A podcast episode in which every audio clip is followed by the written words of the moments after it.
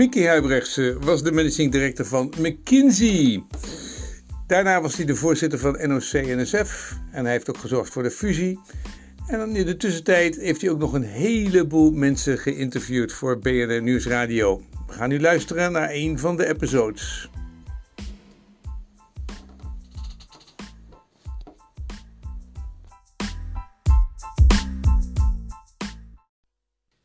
Succesvol ministerschap op economische zaken in het eerste Paarse kabinet hield hij de politiek in 1998 alweer voor gezien. Hij keerde terug naar de consultancy en maakte onlangs een verrassende overstap naar Axo Nobel. Mijn naam is Mickey Huibrechts en deze week praat ik met Hans Weijers. Meneer Weijers, u, u bent van Zeeuwse achtergrond?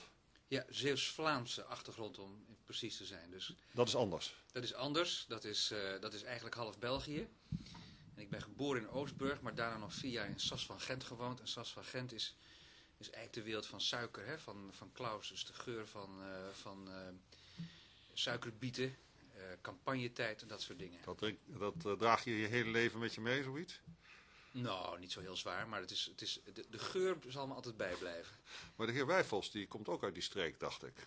Maar ik denk van een ander eiland, maar dat weet ik niet zeker. Want Zitten daar niet toch wat vergelijkbare karaktertrekken? Misschien hebben we samen op de kleuterschool gezeten, maar ik ben me er niet van bewust. Uit wat familie, van familie bent u opgegroeid? Ik, ehm, ik ben de jongste van, ehm, eh, van vier zonen, dus uit een gezin. En mijn vader was een, eh, had een technische achtergrond en een onrustig karakter, wat ertoe leidde dat wij zo om de drie, vier jaar eh, zeg maar verhuisden. Maar wel binnen Zeeuws-Vlaanderen. Binnen Nederland. Binnen Nederland. Nee, Zeeuws-Vlaanderen heb ik maar vier jaar alles bij elkaar gewoond. En daarna zijn we zo'n beetje door, ja, altijd een beetje in de periferie van Nederland, nooit in de, echt in de Randstad, heb ik gewoond. Ehm, een, eh, een, een wat afwisselend eh, eh, bestaan van een gewone Hollandse familie. Waar kwam de politieke interesse het eerst boven? Die kwam eigenlijk op de middelbare school. Ik zal, ik zal me nooit meer herinneren dat ik geloof dat de, de leraar Nederlands het was die dat deed. Want we je had toen nog geen maatschappijleer. Dat we een discussie hadden, of geschiedenis was het misschien wel. En die, die organiseerde ooit een keer een discussie in de, in de klas. En toen vertelde ik wat mij dreef. Toen zei hij, oh dus je bent, dat was het toen net, je zou D66 eigenlijk eh, moeten gaan stemmen. Toen zei ik, dat zou nog wel eens een keer kunnen, ja. Maar toen had u nog geen contacten. Toen had ik helemaal geen contacten. Toen was ik nog een kleine broekenman. Middelbare scholier althans. En ja, dat is eigenlijk... Er werd thuis wel over politiek gesproken. Niet heel veel, maar wel. Maar ik, eh, ik ben gaan lezen en, en eh, heb in helemaal... eh, in diezelfde tijd was ik ook eh, wel actief in de Europese beweging. Dat soort dingen vond ik gewoon interessant. Komt een beetje uit mezelf. Licht gestimuleerd door de omgeving. Wat was uw academische discipline? Ik heb economie gestudeerd in Groningen. Dat was een ontzettend leuke tijd. Dat was ook een hele goede opleiding. Ehm, dan, nog in de tijd van het kandidaats en het doctoraal. Dat is een algemeen, dus een, een, een soort breed kandidaats. En na mijn kandidaats ben ik een jaar met een goede vriend van mij op reis geweest in Latijns-Amerika. En toen ik, eh, en de eerste drie jaar was het gewoon de, de, het gezellige studentenleven, zal ik maar zeggen. Een paar weken voordat je tentamens had gaan studeren. Maar toen ik terugkwam uit Zuid-Amerika was ik heel gemotiveerd. Ook om, eh, om iets van mijn studie te maken ben ik ook algemene economie gaan studeren. Een wat meer analytische, beta-achtige kant. En ben ik ook ehm, vrij snel en goed afgestudeerd. Toen had de wetenschap me te pakken. Ja, want toen heb u ook nog gekozen voor een promotie. Ja. Zoals vaak in je leven had dat te maken met een voorbeeld. Iemand die een voorbeeld was. In dit geval was dat eh, professor Henri Baudet. Een, eh, niet eens een, een echte econoom, maar een historicus. Maar die op de, de economische faculteit college gaf. En die stond voor mij wel van wat wetenschap interessant maakt. Een soort bevlogenheid, een soort breedheid. Eh nodigde je ook uit om nog thuis tentamen te doen. En dan werd je ook gelijk uitgenodigd voor eh, con- huisconcerten en zo. Je kon je dat voorstellen. Het was een hele interessante man. En ehm, die heeft mij toen wel van overtuigd dat dat leuk was om ook nog eens een keer te doen. Dat, dat ik daar wel aanleg voor had. En toen ben ik eigenlijk, ja, toevallig ben ik in Rotterdam terechtgekomen eh, na Wat mijn was, het, studie. wat was het thema van de promotie? De promotie eh, die dus in Rotterdam plaatsvond ging over industriepolitiek. Wat zeker in die tijd een heel hot issue was. Ik zat daar net een beetje, was, had ik een goed gevoel voor timing. Ik voelde het een beetje aankomen. Ik vond het ook een interessant thema. Zat ook op de grensvlak zeg maar, van overheid en bedrijfsleven natuurlijk. Vroeg aandacht voor industrial organization-achtige kennis. Maar dan, uh, hoe vertaal je dat in beleid? Daar ging eigenlijk het proefschrift over. En in die tijd uh, schreef Ruud Lubbers als minister van Economische Zaken zijn, nota selectieve groei. Waren allerlei discussies over hoe je, zeg maar, bedrijfsleven zou kunnen beïnvloeden of juist niet. Nou, daar, daar ging toen heel veel geld om in bedrijfssteun. En daar heb ik toen een redelijk kritisch verhaal over geschreven, want ik geloof daar absoluut niet in. Maar toen uh, was u waarschijnlijk al geassocieerd met D66? Ja, ik ben, uh, ik ben eigenlijk gelijk nadat ik in Rotterdam wetenschappelijk medewerker werd, ben ik ook actief geworden in de partij. Ben ik een uh, lid geworden van de werkgroep die dan de fractie adviseerde en was heel snel daar ook voorzitter van. En daarna ook heel snel adviseur van in die tijd Jan Terlouw. En later nog Maarten Engwe daar. En weer wat later, als je die lijn van D66 volgt, uh, liep ik Hans van Mierlo tegen het lijf. Uh, dat, nou, we zitten wel midden jaren 80. Toen was ik alweer uit de universiteit. Toen zat ik al in de consultingwereld. Ik ben nog even in de overheid geweest, maar heel kort. Ja, twee jaar. Dat was toen de tijd van, dat heette toen projectministerschappen. Dan mocht een minister mocht naast de bureaucratie uh, mocht hij kleine thinktanks uh, organiseren als hij een bepaalde verantwoordelijkheid had. En toen heb ik achterin volgens eerst wat werk gedaan voor het, uh, het werkgelegenheidsplan van Joop den Uyl. Maar ja, Joop ging weg toen ik kwam zo ongeveer. We hebben elkaar in de tuin nog, toen hij afscheid nam, hebben we elkaar de hand geschud. Wat was uw beeld van Joop den Uyl? Had u daar enige associatie mee? Ja, ik vond het een... Ook in mijn studietijd. Ik heb overigens nooit iets anders gestemd dan D66. Maar ik vond hem wel iemand die bevlogenheid uitstraalde, leadership. Um, uh, ik was het een heleboel dingen niet met hem eens. Ik nee, want nog... hij moet een beetje in strijd zijn geweest met al uw gedachtegoed. Ja, maar ik, ik, vind, het, ik vind mensen... Uh, uh, voor mij hoeft het niet zo zijn dat iemand die interessant en leuk is... daar hoef ik het niet a priori mee eens te zijn. Sterker nog, het is vaak anders, mag ik wel zeggen. En ik heb met hem twee keer echt over het beleid gepraat. En twee, twee keer waren we het na vijf minuten volstrekt met elkaar oneens. Maar het waren wel hele leuke discussies. En hij stond uh, met verkeerde opvattingen hoe dat te bereiken, stond hij wel voor goede dingen. We praten met Hans Weijers, huidig voorzitter van Boston Consulting Group. En binnenkort, althans binnen een jaar circa, voorzitter van Axo Nobel. Boston Consulting Group, daar, uh, u bent eerst uh, in de voorfase van Boston Consulting Group terechtgekomen, uiteindelijk nu de, deze groep. Wat, wat zijn de recente ontwikkelingen in de professie? Want er wordt nogal hier en daar over geklaagd en gekreund. Ja, nou ja, kijk, op zichzelf de ontwikkelende professie zijn uh, dat er uh, sprake is van een, uh, een, een, daling van de activiteiten. Als ik zo kijk breed in, de, in, in deze wereld van de consulting. Is dat conjunctureel je... of structureel?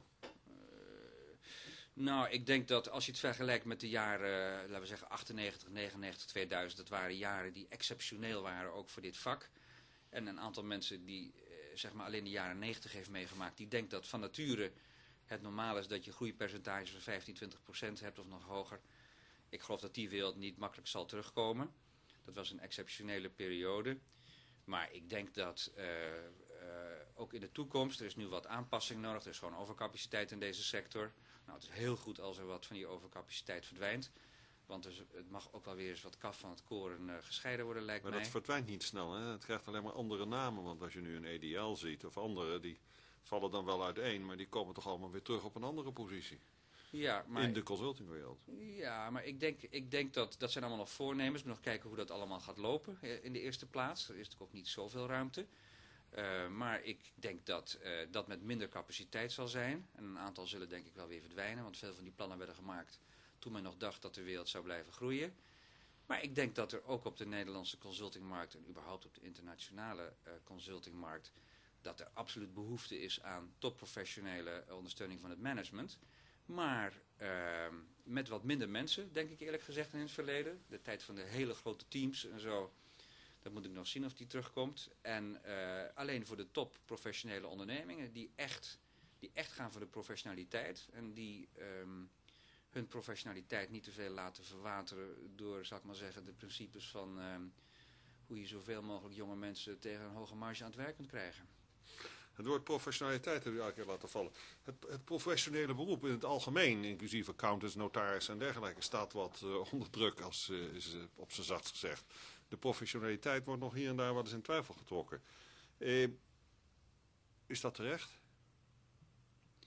Nou, dit is een bijna politiek antwoord ja en nee. Uh, ja, in die zin dat uh, er nu een aantal voorbeelden zijn waar duidelijk uh, professionele normen en kwaliteitscriteria zijn opgeofferd aan, ja, aan, de, aan, aan opbrengsten, aan, aan de winst. Ja, als je nou één ding, voor één ding moet uitkijken in ieder professioneel beroep, is dat je daar compromissen gaat sluiten. Want dan kom je jezelf één keer tegen en dan wordt niet alleen de eigen firma, kijk naar Anderson, maar wordt ook het hele beroep wordt aangetast. Dus dat is, uh, dat is wel heel jammer. En dat is denk ik in de wilde jaren van de, ik zal maar zeggen, de jaren negentig, is dat denk ik hier en daar wel gebeurd. Uh, is men denk ik professionele firma's te veel gaan zien alleen maar als businesses. En zijn de business uh, doelstellingen zijn soms gaan uh, overheersen boven de professionele normen. Maar dat zijn wel de uitzonderingen, is mijn overtuiging. Want uh, of je nou kijkt naar de wereld van de consulting, of als je nou kijkt naar de wereld van de, de, de, law firms of de accountants, dan zijn er natuurlijk heel veel serieuze mensen die hun professionele normen leidend laten blijven in hun werk. En dat moeten we niet vergeten, want ze vullen wel een hele belangrijke rol in deze samenleving. Maar als we kijken naar de accountants, daar hebben, eigenlijk alle accountants hebben die combinatie van die toezichthoudende functie met de dienstverlenende functie. Dat kon je zien dat dat mis ging gelopen. Dat kon niet goed zijn. Ja, dat is op een aantal punten is dat te ver doorgeslagen. Uh, overigens, je moet wel weer heel erg uitkijken dat je, dat, dat je daar weer niet uh, in de reactie daarop te ver doorslaat. Want bijvoorbeeld als je het hebt over het midden- en kleinbedrijf, dan is er een absolute behoefte om daar een soort uh, adviseur te hebben voor de ondernemer. En dat is bijna altijd de accountant. En er is ook helemaal geen mogelijkheid om dat weer met allemaal verschillende mensen te doen. Dat wordt te duur, zo werkt dat niet. Bij het hele grote bedrijfsleven was het toch bijna altijd al zo dat de klanten daar uh, voldoende professioneel zelf waren om te zeggen waar ze wel de accountant voor gebruikten of de accountantsfirm en waar ze zeg maar de consultant voor gebruikten of andere. Maar er zit daar tussenin een gebied waar dingen duidelijk fout zijn gelopen.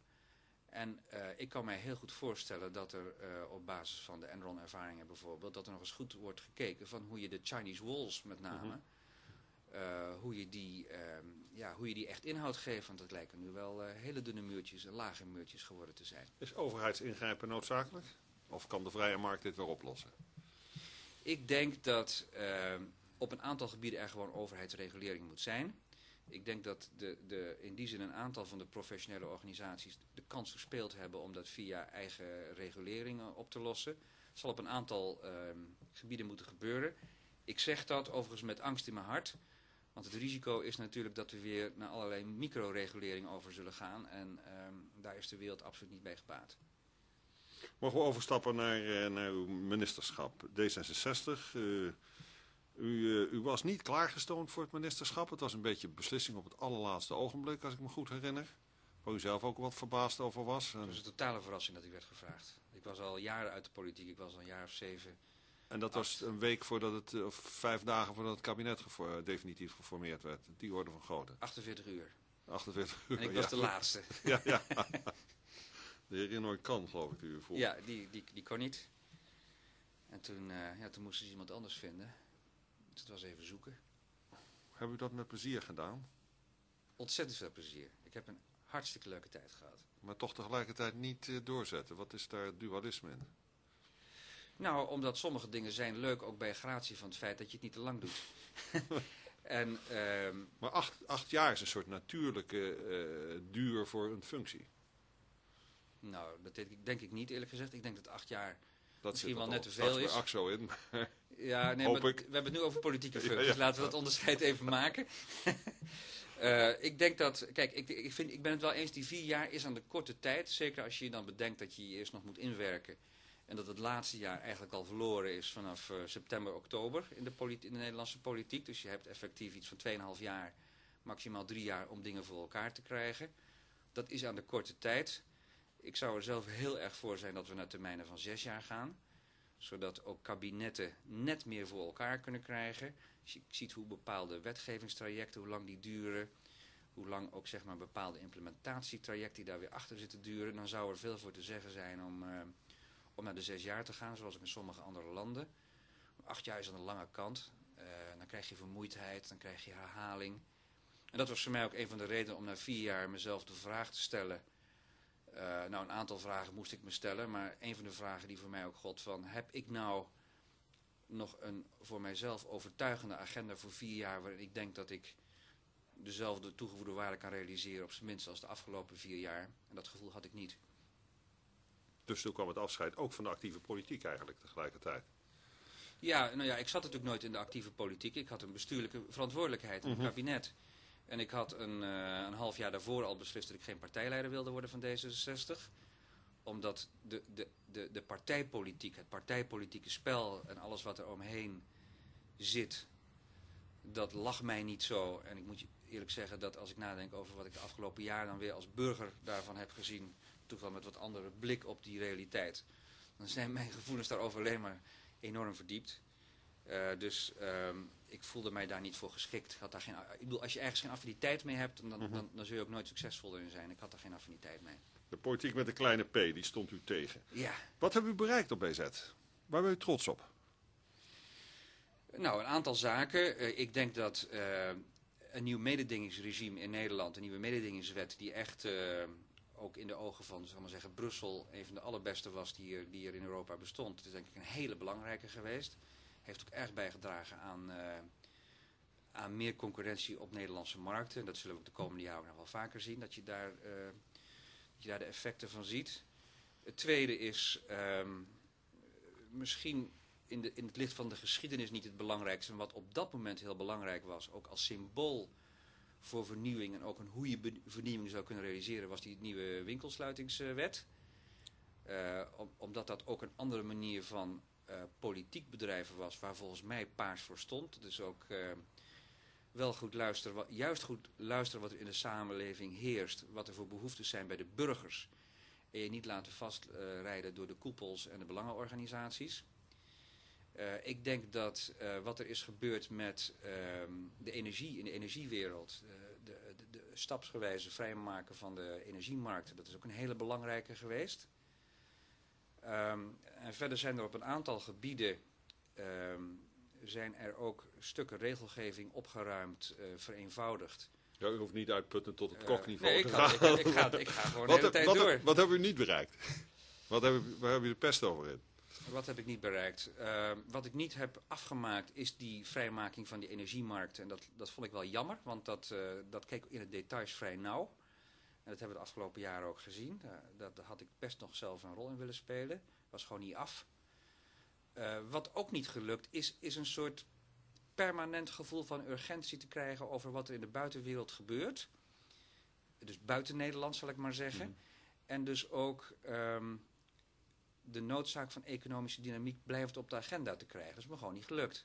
Want de afgelopen eh, twee, drie jaar is, heeft dat nou niet erg hoog op de agenda gestaan. Dus daar, daar ben ik eh, minder succesvol geweest. En wat me ook niet gelukt is, wat ik toch jammer vond, was Fokker een restart te geven. Ja, Fokker is altijd een hoofdthema geweest. Maar was dat, was dat mogelijk? Was dat realistisch? Er zijn één of twee keer momenten geweest dat ik dacht dat het zou lukken, met name met Nederlandse consortia. Eh, er is één of twee keer geweest waar we er vlakbij waren. En ik denk dat dat op zichzelf wel heel mooi zou zijn geweest, want er was een fokker met een schone balans. En eh, met een heel veel duidelijker focus. Helemaal afgekikt van het Haagse subsidietraject. Die was dan, een, eh, had dan een herstart gehad. Maar dan had u ook voor de Joint Strike Fighter moeten stemmen dus.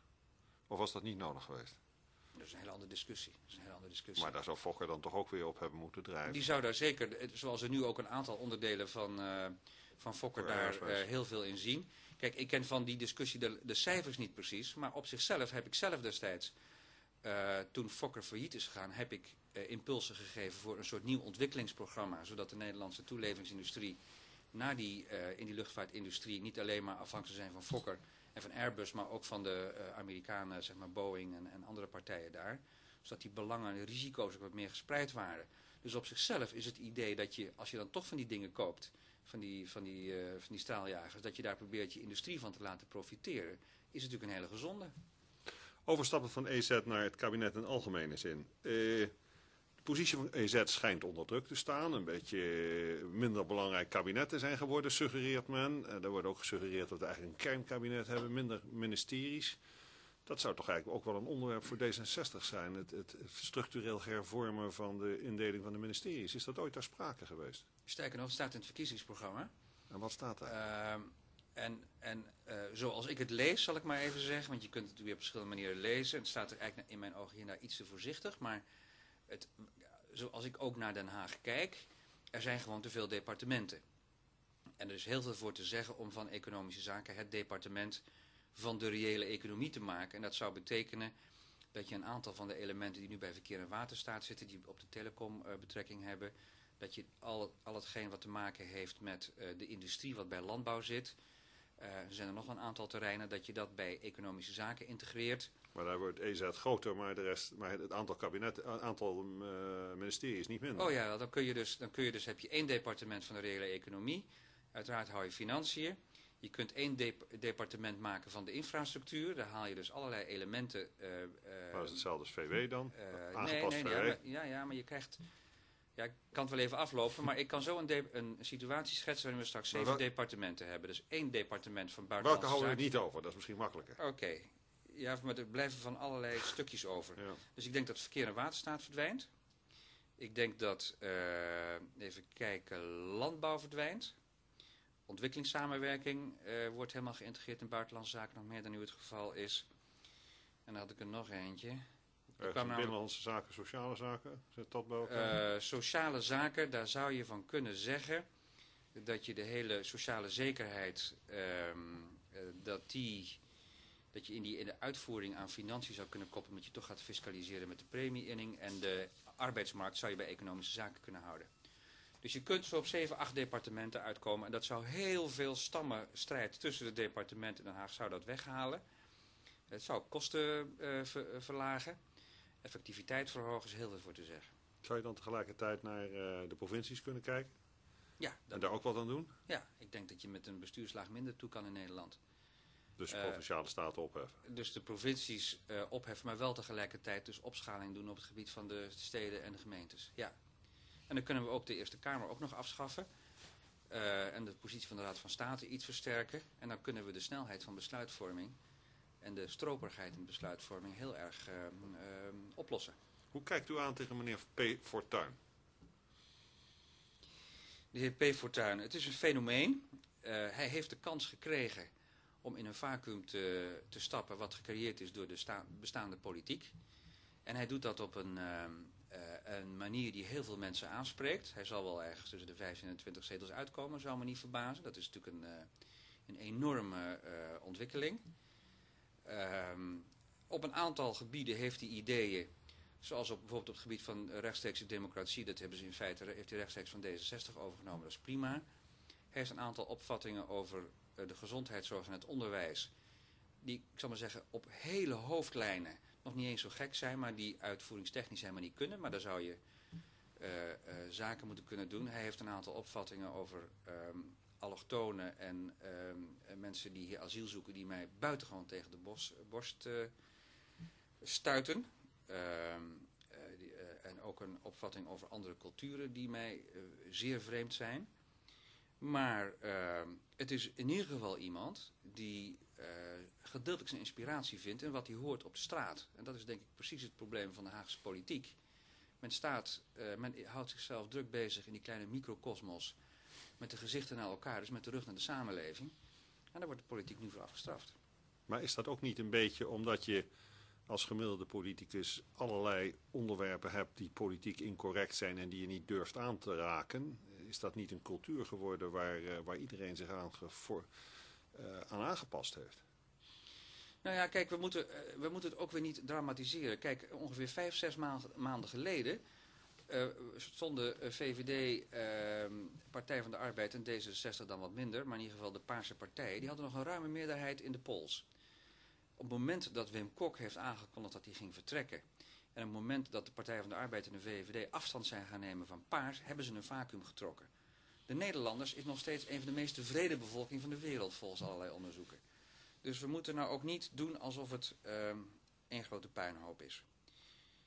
Ik dacht dat elk onderzoek altijd aanwijst dat de armste landen het meest tevreden waren. Nee, er is Nigeria, onlangs... nou, dan heb u een nee, anders onderzoek dan ik. Maar... De onderzoeken zeggen dat uh, de, de rijkeren in Nigeria zijn niet minder uh, gelukkig dan de rijken in Nederland bijvoorbeeld, of in de westerse landen. Met andere woorden, het absolute niveau van welvaart doet er niet toe relatieve relatief wordt dan weer bepaald door mm -hmm. welke omgeving ja. je woont. Ja. Ehm, maar het heeft natuurlijk ook iets te maken met stijl van politiek. Het heeft te maken met uh, of mensen nog uh, de, de, de kiezers inspireren. En uh, ik, ik, hoop eerlijk gezegd dat het hele verschijnsel Fortuin mede aanleiding zou zijn tot een forse verjonging van de mensen die politiek bedrijven in Nederland. We hebben behoefte aan een nieuwe generatie. Absoluut. U gaat naar Axo Nobel. Er is ook wel eens gesproken over KPN, Telefonica. Is, heeft Axo Nobel iets wat u speciaal aantrekt? Het is een prachtig concern. Het is, ja, dat moet je wel zeggen. Ja, nee, maar het is ook zo. Het is, het is, we hebben het vaak over high-tech uh, en snelle groei. Er zitten uh, farmaceutische activiteiten in die beter doen dan de allergrootste in die industrie. Het is het leidende concerngebied van verven in de wereld. En het heeft een op zichzelf zeer goed presterende chemiedivisie. En het is een, heeft, is een concern met een hele interessante strategische uitdaging voor de toekomst. Nou ja, wat wil je nog meer? Het Wereld Natuurfonds was uh, verrast, zo niet onaangenaam verrast toen ze dit hoorden. Begrijpt u dat? Nou ja, het Wereld Natuurfonds, uh, uh, er is wat ongemakkelijke, ongelukkige publiciteit geweest. we hebben het in het bestuur nog niet eens met elkaar over gehad, wel informeel. Iedereen vindt het hartstikke leuk. Um, en um, het enige, de vragen die ik mezelf moet stellen zijn er twee daar gaan we het ook binnenkort over hebben, kan ik het qua tijd met elkaar combineren. Dat wordt echt een hele lastige, want uh, tijd is, het kost mij vrij veel tijd, Wereld Natuurfonds, doe ik overigens met veel plezier. En het tweede is dat jammer genoeg in deze wereld, in de percepties, dat bleek een aantal reacties, veel mensen vinden dat het moeilijk te combineren is. Wat ik onzin vind, want het Wereld Natuurfonds werkt nou juist met heel veel grote concerns samen, zoals Unilever, om bepaalde dingen voor elkaar te krijgen. Dus inhoudelijk kan het op zichzelf heel goed. De vraag die we ons moeten stellen kunnen we, uh, creëren we niet te veel risico's door de percepties en percepties die bepalen helaas deze wereld heel veel en kan ik het in de tijd combineren en dat hoop ik over een paar weken te weten. We spraken met Hans Weijers, voormalig minister van Economische Zaken, huidig voorzitter van de Boston Consulting Groep en toekomstig voorzitter van Axo Nobel. Bijzonder dank. Ik hoop dat je deze podcast interessant vond. Eh, de manier waarop Mickey met mensen omgaat brengt altijd het beste naar voren, maar hij weet het ook in perspectief te brengen. Wil je meer van dit soort podcasts uh, horen, dan abonneer je eventjes hierop, dan krijg je ze elke week in de bus. Bedankt!